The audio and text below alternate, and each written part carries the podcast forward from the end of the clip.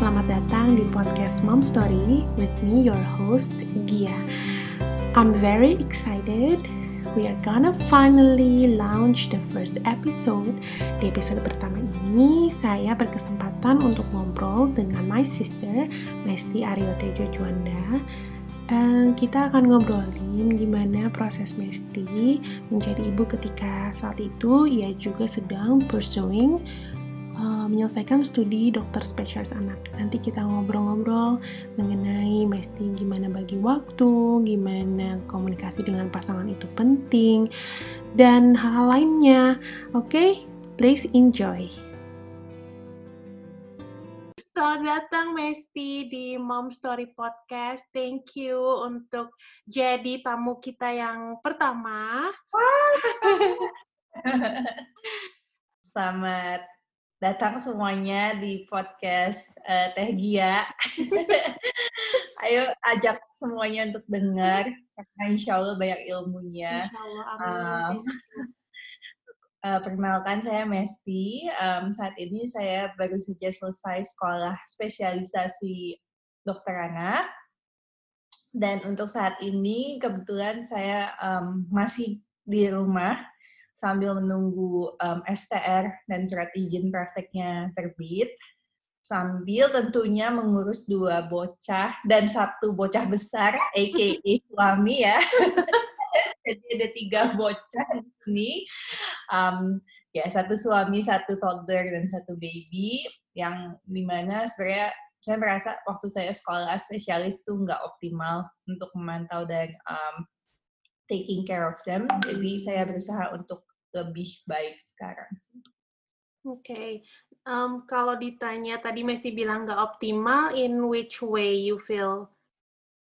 Uh, terutama dalam hal waktu sih teh, karena kan um, waktu spesialis tuh kayak subuh udah berangkat atau siap, hmm. terus pulang juga maghrib rata-rata maghrib pas uh, pulang paling hanya dapat satu jam waktu hmm. itu kebetulan kan ada galendra ya. Satu jam sebelum kalian tidur terus ya udah setiap hari seperti itu gitu. Jadi kan mostly beruntung banget support sistemnya oke okay banget. Dulu ada teteh ya teh bantuin. Ada ibu. Jadi alhamdulillah sih. Um, karena saya juga baru baca satu artikel yang menarik sih. Sebelumnya tuh aku megang banget um, pemahaman dari Dr. Sears kayak attachment parenting. Hmm, hmm, hmm um, di mana kayak we have to spend time maksudnya terus juga membaca cues anaknya me, apa sih mendampingi anaknya. Tapi in the end ada satu artikel kayaknya dari Berkeley deh uh, bahwa attachment parenting itu beda dengan secure okay. secure parenting uh, uh, secure attachment. Jadi uh, yang penting adalah walaupun tidak dengan kita tetapi dengan support system tapi selama support systemnya atau misalnya babysitternya atau orang menjaganya semua bisa memahami keinginan anak, perasaan anak, sebenarnya sih baik-baik saja. Oke, okay. berarti dalam hal ini support system tuh nggak harus selalu uh, ibu, bapak, tapi bisa caregiver lain gitu ya? ya Iya betul. Oke, oke, oke. Jadi dalam hal ini sebenarnya jadi seorang ibu pun sebenarnya tetap bisa loh berkarya, uh, tetap bisa loh mengaktualisasi diri. Ya, curhat ujungnya nih. Nah, karena beneran deh, maksudnya gini, aku ngerasa banget, mungkin emang, aku kagum memang kalau memang ada ibu-ibu yang jiwanya atau passionnya memang full mengurus rumah tangga, keluarga anak gitu. Tapi aku pun sebenarnya juga sempat mencoba gitu, sempat mencoba tapi kok akhirnya malah jadi overwhelmed dan nggak terlalu fokus 100% juga sama anaknya malah kayak merasa pressure tapi juga ke anak yang nggak optimal gitu jadi um, I think it's very important untuk para ibu-ibu atau para wanita tetap melakukan passionnya. Jadi ketika bersama anaknya pun jadi ibu yang lebih happy dan waktu yang dihabiskan bersama anaknya lebih berkualitas. Benar, benar. Aku setuju juga sih sama itu karena untuk kita bisa present spend time with kids tuh kita perlu juga present dari diri sama diri kita sendiri gitu loh. Jadi ketika kita sebenarnya nggak menikmati yang namanya uh, ngerjain kerjaan rumah tangga maksudnya maksudnya dan arti kata misalkan kita punya passion lain gitu sedangkan itu kayak belum bisa kita penuhi terus jadinya ke anak juga enggak apa ya walaupun kita punya waktunya banyak tapi juga nggak maksimal gitu terus kayak malah marah atau apa misalnya yeah, gitu loh yeah, ya yeah. kan? karena ada sesuatu kayak burden atau ya, apa ya hambatan gitu ya, di diri ya. kita kayak nggak keluar semua secara maksimal ya ya ya, ya. so so true sih so true makanya uh, bener banget uh, hopefully sebenarnya podcast ini juga harapanku ke depannya tuh uh, buat para ibu tuh menemukan bahwa oke okay, semua ibu tuh kayak penting perasaannya gitu, well-beingnya dan lain-lainnya gitu. Maksudnya walaupun udah punya suami, udah punya anak, kadang-kadang uh, kalau looking back to myself, aku tuh kayak forget gitu loh sama diri aku sendiri gitu loh. Jadi ah, kayak iya, kayak kayak kayak tenggelam gitu sama kesibukan keluarga. Padahal kalau tadi Mesti bilang untuk kita bisa present to our family, give them the quality dan yang bagus itu kan sebenarnya harusnya kita juga udah deal apa ya well-being kita udah oke okay gitu ya. Iya benar banget. Dan um, ya itu tadi happy mom, happy kids, ya, happy parent. Setuju banget. Setuju foto. Oke.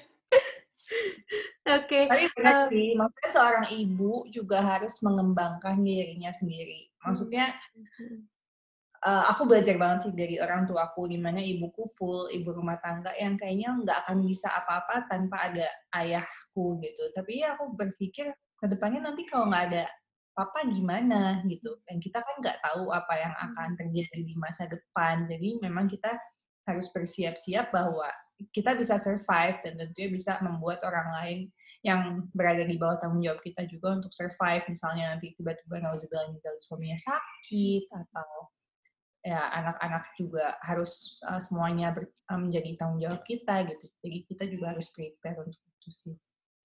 Oke, okay. terus dengan rencana-rencana itu sebenarnya gimana peran uh, suami di sini? Maksudnya utamanya, maksudnya dalam kita menjadi mimpi-mimpi kita.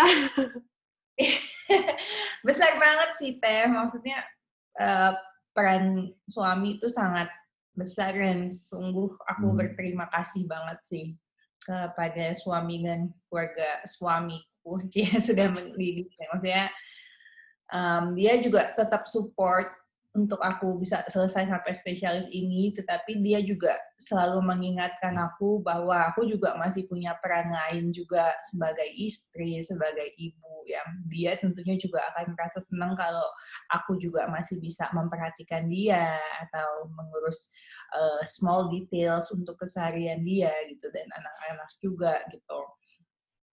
Um, tapi in the end juga aku bahas sama suamiku bahwa um, kenapa aku harus mengerjakan itu semua kalau in the end sebenarnya aku bisa delegasiin ke orang lain, aku yeah. bisa manage orang lain untuk melakukan itu dan make sure semua household tuh oke. Okay. Akhirnya dia juga setuju gitu. Ya jadi sebenarnya sih ujung-ujungnya komunikasi yang baik ya sama suami. Terus kayak aku juga diskusi kan ke depannya sudah selesai spesialis anak mau ngapain nih yeah. gitu kan. Mungkin aku share dikit gitu um, apalagi kan sekarang lagi um, suasana yang abnormal ya walaupun dibilang new normal gitu hmm. apalagi untuk tenaga medis dan kita baru tahu bahwa tenaga medis di Indonesia itu yang meninggal paling banyak di seluruh dunia hmm. like hmm. dua setengah persen tenaga medis uh, yang meninggal dibandingkan di dunia itu hanya 0,1 persen 0,2 persen dan itu um, menyedihkan sekali Um, jadi um, kemarin aku tanya ke Gary gimana um, gimana ya apa aku kerja di um, rumah sakit pemerintah sementara atau ke swasta atau bagaimana? Gitu. Tapi anakku juga sekarang baru satu bulan ya kan? Um, jadi um, misalnya aku pun um, kerja gitu di rumah sakit, I mean like aku yang bertanggung jawab terhadap diriku sendiri, ya yang aku terekspos yaitu kayak um, risiko aku gitu kan. Cuman kan ketika aku membawa itu pulang ke rumah, ketemu suami anak, terus anakku yang sakit, di mana usia satu bulan kan masih usia yang rentan. Karena yang paling banyak meninggal kan memang bayi usia 0 sampai satu tahun ya di Indonesia. Yang kedua anak satu sampai lima tahun. Jadi balita emang rentan banget. Jadi aku rasa nggak um, cukup wise untuk aku langsung terjun lagi ke lapangan gitu. Hingga akhirnya, oh ya udah kira-kira apa ya yang bermanfaat gitu. Dan aku kan memang passionnya ngajar, aku suka um, berbagi informasi. Akhirnya aku bikin deh yang tentang anak, di mana uh, aku merasa informasi tentang kesehatan anak tuh sekarang masih saturated banget, kayak terpencar banget. Ya aku ngerti sih karena memang mostly dokter-dokternya tuh sibuk. Yeah ya kan? Um, jadi mungkin ketika mereka membagi informasi juga nggak konsisten nggak terus menerus gitu. Akhirnya uh, masyarakat dapat informasi malah dari ibu-ibu uh, yang sharing-sharing tentang anaknya gitu kan. Um, informasinya juga mungkin ada yang benar ada yang belum tentu benar gitu. Jadi kan jadi masyarakat rancu nih mau mencari informasi dari mana dan aku rasa penting banget untuk masyarakat tahu bagaimana yang terbaik untuk kesehatan anak dan perkembangan anak karena kan bagaimanapun apa yang terjadi di masa kecil itu adalah um, gambaran ketika dia dewasa nanti gitu. Jadi aku bikin tentang anak itu sambil aku kayaknya sih mau ngambil S2. dan itu adalah yang selama ini dipengenin. Exactly banget. aku kayak ya semoga sih bisa. Cuman ya we'll see. Dan emang suamiku lebih setuju untuk itu karena S2-nya pun juga online dan part time jadi aku bisa sambil dan saat ini lagi bisa online ya? Ya lagi bisa online. Okay. go for it ya semangat banget kalau nyuruh orang sekolah terus ini sekolah for it. banget deh doakan. Ya, kapan selesainya? sabar sabar sabar. Oke. Okay. uh, kalau tadi Westi bilang uh, energinya memang harus dibagi-bagi. Iya, uh, mungkin itu jadi poin penting ya menurut aku ketika kita punya mimpi, punya kemampuan, punya keahlian lain, punya talent lain, punya passion lain, makanya kita juga harus bisa mau ya, maksudnya mengikhlaskan uh, mendelegasikan tugas-tugas ya. lain yang sebenarnya bisa dikerjakan oleh orang lain. Maksudnya kan ada juga orang yang ya. perfeksionis gitu loh, kayak enggak pokoknya uh, aku harus ngerjain semuanya sendiri, aku harus masak sendiri, aku harus Gak ini bisa. itu gitu kan. Tapi kan uh, sebenarnya it's okay to ask for help kayak gitu. Ya, yeah. yeah, it's about delegating and management sih dan um, ya komunikasi lagi balik lagi ke suaminya. Misalnya ya aku bekerja, ujungnya bekerja, misalnya aku juga bisa uh, manage atau hire asisten rumah tangga, di mana memang aku nggak ada passion untuk kayak beres-beres rumah, masak gitu. Instead of that, kenapa nggak aku make sure, oke okay, kamu pilih, pokoknya aku make sure apa yang kamu pilih ada, walaupun mungkin occasionally aku juga masak gitu kan. Cuman kan um, mungkin kita balik lagi apa passion kita dan target apa yang lebih besar yang bisa kita capai gitu. Jadi uh, dengan mendelegasikan hal-hal yang mungkin lebih nggak um, nggak um, bukan prioritas aku ke orang lain sehingga kita bisa dapat yang sebanyak-banyaknya dan yang terbaik. Oke. Okay. Oke, okay, kalau bicara mengenai tentang anak gitu, kalau please uh, teman-teman juga uh, subscribe ke YouTube tentang anak. Soalnya itu satu hari aja nonton udah ribuan loh. Apa, Mes? Katanya ini nama podcastnya apa teh? Mom Story. Oh ya, Mom Story. Kalau podcast tuh subscribe juga ya teh? Uh, iya, follow ya, like atau follow. follow. Like dan Mom Story. Iya. Um, uh, terus tentang anak rencananya gimana, Mes? Maksudnya nanti uh, ke depannya gitu, mungkin mesti bisa bagi sedikit informasi. Yang uh, yang pasti sih pinginnya sih harus konsistennya. Jadi nanti identik di mana orang tua mau cari sesuatu tentang ilmu kesehatan anak atau perkembangan anak bisa langsung ke tentang anak gitu sih. Jadi memang aku mau konsisten uh, mungkin sekarang um, seminggu sekali harus ada seminggu sekali informasi. Dan memang aku um, lihat dulu nih apa yang paling uh, menarik untuk orang tua. Dan ternyata tuh sekarang tuh yang paling hits adalah MPASI kan. Ya pokoknya uh, jadi ya mungkin kita bahas sesuai uh, demandnya juga sih. Urutannya apa yang orang tua pingin. Jadi misalnya MPASI tentang berat badan yang susah naik itu kayak dilema banyak orang tua. Ya, ya dilema uh, aku juga.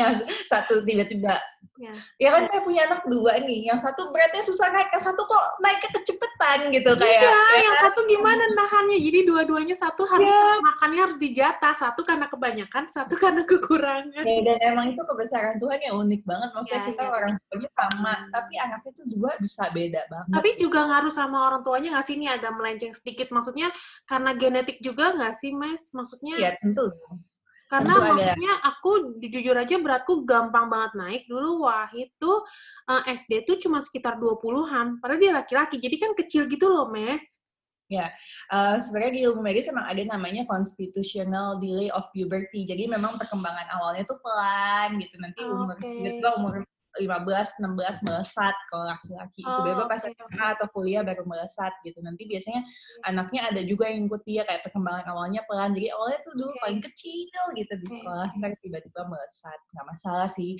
Tapi misalnya, tentu genetik. Kayak misalnya orang tuanya dua-duanya pendek. Yang nggak mungkin ngarepnya anaknya Iya. tinggi kayak model gitu. Emang genetik. Ntar iklan. Oke, eh, eh, balik lagi kalau how being a doctor, terutama dokter spesialis anak tuh eh, shape you as a mom gitu. Maksudnya how do you feel? I mean, waktu Messi jadi ibu itu kan Messi memang sudah masuk jadi mau jadi dokter spesialis anak gitu. Cuman how do you feel kalau misalnya Messi bukan dokter spesialis anak atau apa, but how it shapes you gitu? Mungkin lebih dalam hal empati kali ya. Kalau dulu sebelum aku mungkin kebalik teh how Oke. by being How a being mom a mom takes me as a to doctor. a pediatrician. Oke. Kayaknya lebih yang lebih aku rasa tuh lebih seperti itu deh. Hmm. Bagaimana dengan menjadi ibu, aku tuh bisa lebih berempati terhadap orang tua pasien gitu. Karena kayak misalnya dulu aku jaga emergency Mm. Terus ada anak sebenarnya kelihatannya oke-oke aja, tapi ibunya datang nangis-nangis gitu kayak, anak saya diare nggak mau makan, nggak berhenti segala macam. Dulu aku kayak mikir, apaan sih berlebihan banget gitu. Tapi sekarang ketika aku jadi ibu, kayak tiba-tiba anaknya cebukan gitu, padahal itu normal gitu waktu baby baru. Aku kayak, kenapa nih gimana? Aku panik pasang sat alat saturasi, periksain paru-parunya gitu kan. Em, ya, jadi aku Ngerti ya. merasa gitu, gila ya aku aja yang dokter yang udah punya bekal ilmunya aja tuh panik gitu. Kayak anak tiba-tiba gumo atau muntah dari hidung ah gimana nih? Eh, tetap ada was-was "Ah, gimana nih? Apalagi ibu-ibu yang memang nggak ada Ya. bekal pendidikan kesehatannya ya gitu. Jadi ini juga sesuatu yang aku merasa em, penting banget untuk aku edukasi lagi tentang anak-anak gitu. Karena bagaimanapun kita sekolah sampai sekarang tuh nggak ada sekolah menjadi ibu ya nggak sih teh? Jadi aku pengen banget ibu-ibu tuh bisa lebih siap untuk um, kehamilan untuk kelahiran anaknya gitu. Kayak soal bagaimana memberi ASI yang benar, posisinya bagaimana, karena itu kayak penting banget, tapi kadang awam mau cari sumber informasinya tuh susah banget gitu. Jadi kayak tiba-tiba ada temanku um, nyusuin anaknya, posisinya salah, akhirnya anaknya tersedak gitu kan, itu juga uh, bahaya gitu. Jadi memang um, banyak sekali lah uh, ilmu juga yang aku dapatkan di spesialis yang ingin banget aku bagikan kepada para ibu. Gitu. Nggak hanya soal penyakit yang berat-berat, yang sesak Ya. napas atau apa, tapi hal-hal simple details kayak uh, se sesimpel kayak bagaimana menggendong anak, kapan tummy time dimulai, itu kan sesuatu yang penting dan lebih ke prevention. Jadi nggak fokus jadi spesialis anak tuh mengobati, mengobati, mengobati, tapi bagaimana kita meng-ensure, memastikan pertumbuhan dan perkembangan anaknya baik. Oke, oke. Eh, k- kalau misalnya agak ditarik mundur, eh, sed- ya nggak mundur sedikit sih banyak. Cuman waktu kehamilan itu sebenarnya persiapannya, apakah karena Messi sebagai dokter, and then you know, um, harusnya aku minum ini loh, minum itu loh, atau persiapannya untuk jadi ibu itu, Messi kira-kira ada nggak pesan-pesannya Oh untuk iya, yang misalnya baru mau merencanakan gitu, mau jadi ibu gitu? ya. tentu sih. em, pertama eh, modalnya dulu harus bagus gitu dengan em, em, makanannya harus bergizi, zat besinya harus cukup dan emang kan sebenarnya teh idealnya rekomendasi eh, WHO atau AAP itu kalau misalnya kita usia produktif nih perempuan kita harus minum suplementasi asam folat Oke, walaupun nggak berencana. Maksudnya itu Walaupun nggak berencana hamil, karena kamu kan nggak tahu tiba-tiba kamu hamil. Kayak aku tiba-tiba hamil. Bener, dan Gitu. dan biasanya tuh kita nggak pernah ke dokter sampai kita tuh udah hamil, ngerti nggak sih? Iya, jadi sedangkan asam folat itu butuhnya tuh di trimester awal gitu, pembentukan awal dari em, dua minggu pertama. Jadi kan kalau kita baru minum asam folat tuh nggak ke eh, belakangan tahu hamil kayak agak sedikit telat gitu. Misalnya hal-hal simpel kayak gitu. Em, terus kayak zat besi juga harus cukup gitu. Jadi em, cek juga, tapi biasanya sih zat besi baru turun banget tuh di trimester hamil ketiga. Jadi biasanya memang dicek di trimester ketiga untuk zat besi. Karena kan penting banget zat besi untuk perkembangan saraf-saraf otak. Jadi memang banyak sekali ilmu-ilmu yang emang aku belajar di Hmm. sekolah ya aku terapin kayak bagaimana pemantauan tumbuh kembang anak, screening pertumbuhan eh, perkembangan. Ini sesuai nggak ya si Galet sama usianya gimana cara stimulasinya gitu. Jadi memang aku terapkan dari ilmu-ilmu aku dan aku merasa memang di situ ada sedikit benefit untuk aku gitu kan. Maksudnya ya untung aku dokter gitu. Makanya aku juga pengen ibu-ibu lain juga bisa merasakan dan tahu informasi yang aku punya untuk bagaimana merawat dan membesarkan anak mereka. Karena misalnya di Indonesia tuh banyak yang ah nanti bapaknya juga dulu gitu atau ibunya dulu juga gitu. Ah nanti anaknya bisa terutama kalau misalnya kayak telat bicara gitu loh, Mes, ya kan? Itu juga sebenarnya kasusnya lebih banyak datang ke psikolog ya teh. Iya, dan kadang udah telat juga? Mes, datangnya. Maksudnya Oh. datangnya tuh udah udah umur 2 tahun misalnya gitu dan udah ada udah ada masalah pendamping lainnya gitu loh, bukan utamanya telat doang bicara ya kan gitu. Maksudnya padahal kan sebenarnya kalau orang tua tahu selama satu, satu tahun tuh kayak kemarin pas kita nonton Messi sama Prof Hardiono itu kan udah dikasih tahu misalnya usia berapa bulan harusnya bisa kuing, bisa babbling, tapi kalau kita nggak Iya. paham kan kita miss itu ah nanti bisa gitu loh suka gitu kadang-kadang Iya, iya, iya. Banget sih, Teh. Dan memang kadang udah dikasih informasi pun orang tuanya tetap denial. Enggak kok, anak saya laki-laki emang lebih lama dari perempuan. Atau, enggak soalnya ngomongnya di rumah dua bahasa, jadi lama. Padahal tuh nggak ngaruh gitu. Jadi ya, aku sih lebih lebih baik kayak kita over, um, apa ya, maksudnya lebih uh, prevention lah gitu, dibandingkan kayak denial di akhir lebih susah benerinnya kan. Apalagi itu kalau makanya kenapa dokter mungkin sama psikolog tapi kalau Montessori itu lebih lama ya teh ya. Kalau kita kan golden age-nya itu di dua tahun pertama seribu hari kehidupan. Karena tuh otaknya tuh masih elastis banget dan masih uh, perkembangan otaknya pesat banget. Jadi ketika kita melakukan suatu um, terapi itu efeknya akan lebih harusnya lebih early ya. lebih mudah iya Oke. Oke. Ya, berarti stimulus stimulasi stimulasi itu memang harus dari ya anggaplah dari newborn gitu ya, Mes sudah dari kehamilan dari kehamilan udah harus start ya sebenarnya dan balik lagi Iya. ke mundurnya lagi berarti dari asam folatnya, dari maksudnya persiapan ibunya gitu. masuk, nutrisinya baik, zat besi, ibunya juga harus happy. Karena kalau ibunya stres itu hormon stres juga keluar masuk ke Ya. bayinya gitu. Ya, Makanya dan kenapa kelihatan nanti personality anaknya, ya kan? ya, ya karakter anaknya itu Coba dilihat itu anak saya.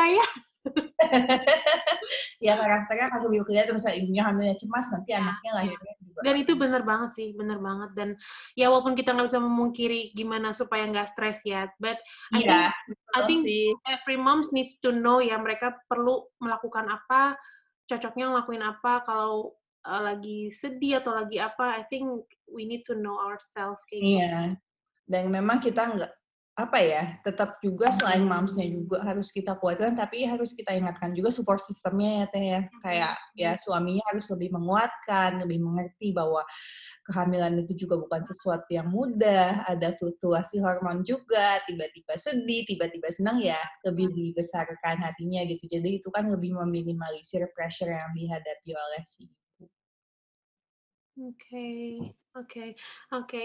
Um, so our recording ini sebenarnya sekitar 40 menit aja nih, tapi I think kita masih punya waktu. Uh, kalau misalkan um, sebenarnya udah banyak banget nih yang masih bisa kita bahas, tapi maybe kita bisa undang Dokter Mesti lagi ke sini untuk lebih untuk lebih detail membicarakan uh, nanti kalau misalnya siapa tahu ada yang mau nanya atau apa ya kan. Uh, cuman kalau misalkan untuk wrap up our conversation, um, how do you feel uh, being a mother now sekarang? Apa ya? uh, ya pasti amazing feeling sih karena kan kita merasa dicintai kayak dicintai secara tulus bukan karena kita fisiknya bagaimana, bukan karena kita um, kepribadiannya seperti apa, but, but they just love us for who we are gitu dan kerasa banget tulusnya. Begitu juga dengan kita bagaimana kita sayang banget sama anak tuh kita ngerasa oh ini ya sayang tanpa perlu alasan apa pun gitu. Dan mereka juga lebih depend on us itu yang membuat aku juga jujur kayak kemarin tiba-tiba anakku tangannya um, kesleo gitu terkilir sampai sendinya. Tapi untungnya bisa cepet diperbaikin gitu. Aku merasa aduh kayak apa itu? Aku kurang observe ya kurang hands on gitu. Jadi aku juga masih belajar terus lah sebagai ibu untuk lebih baik karena kan memang ya belum pernah juga gitu. Jadi kan dari hari ke hari kita harus lebih belajar lagi belajar lagi walaupun memang kadang overwhelming banget sih, jujur.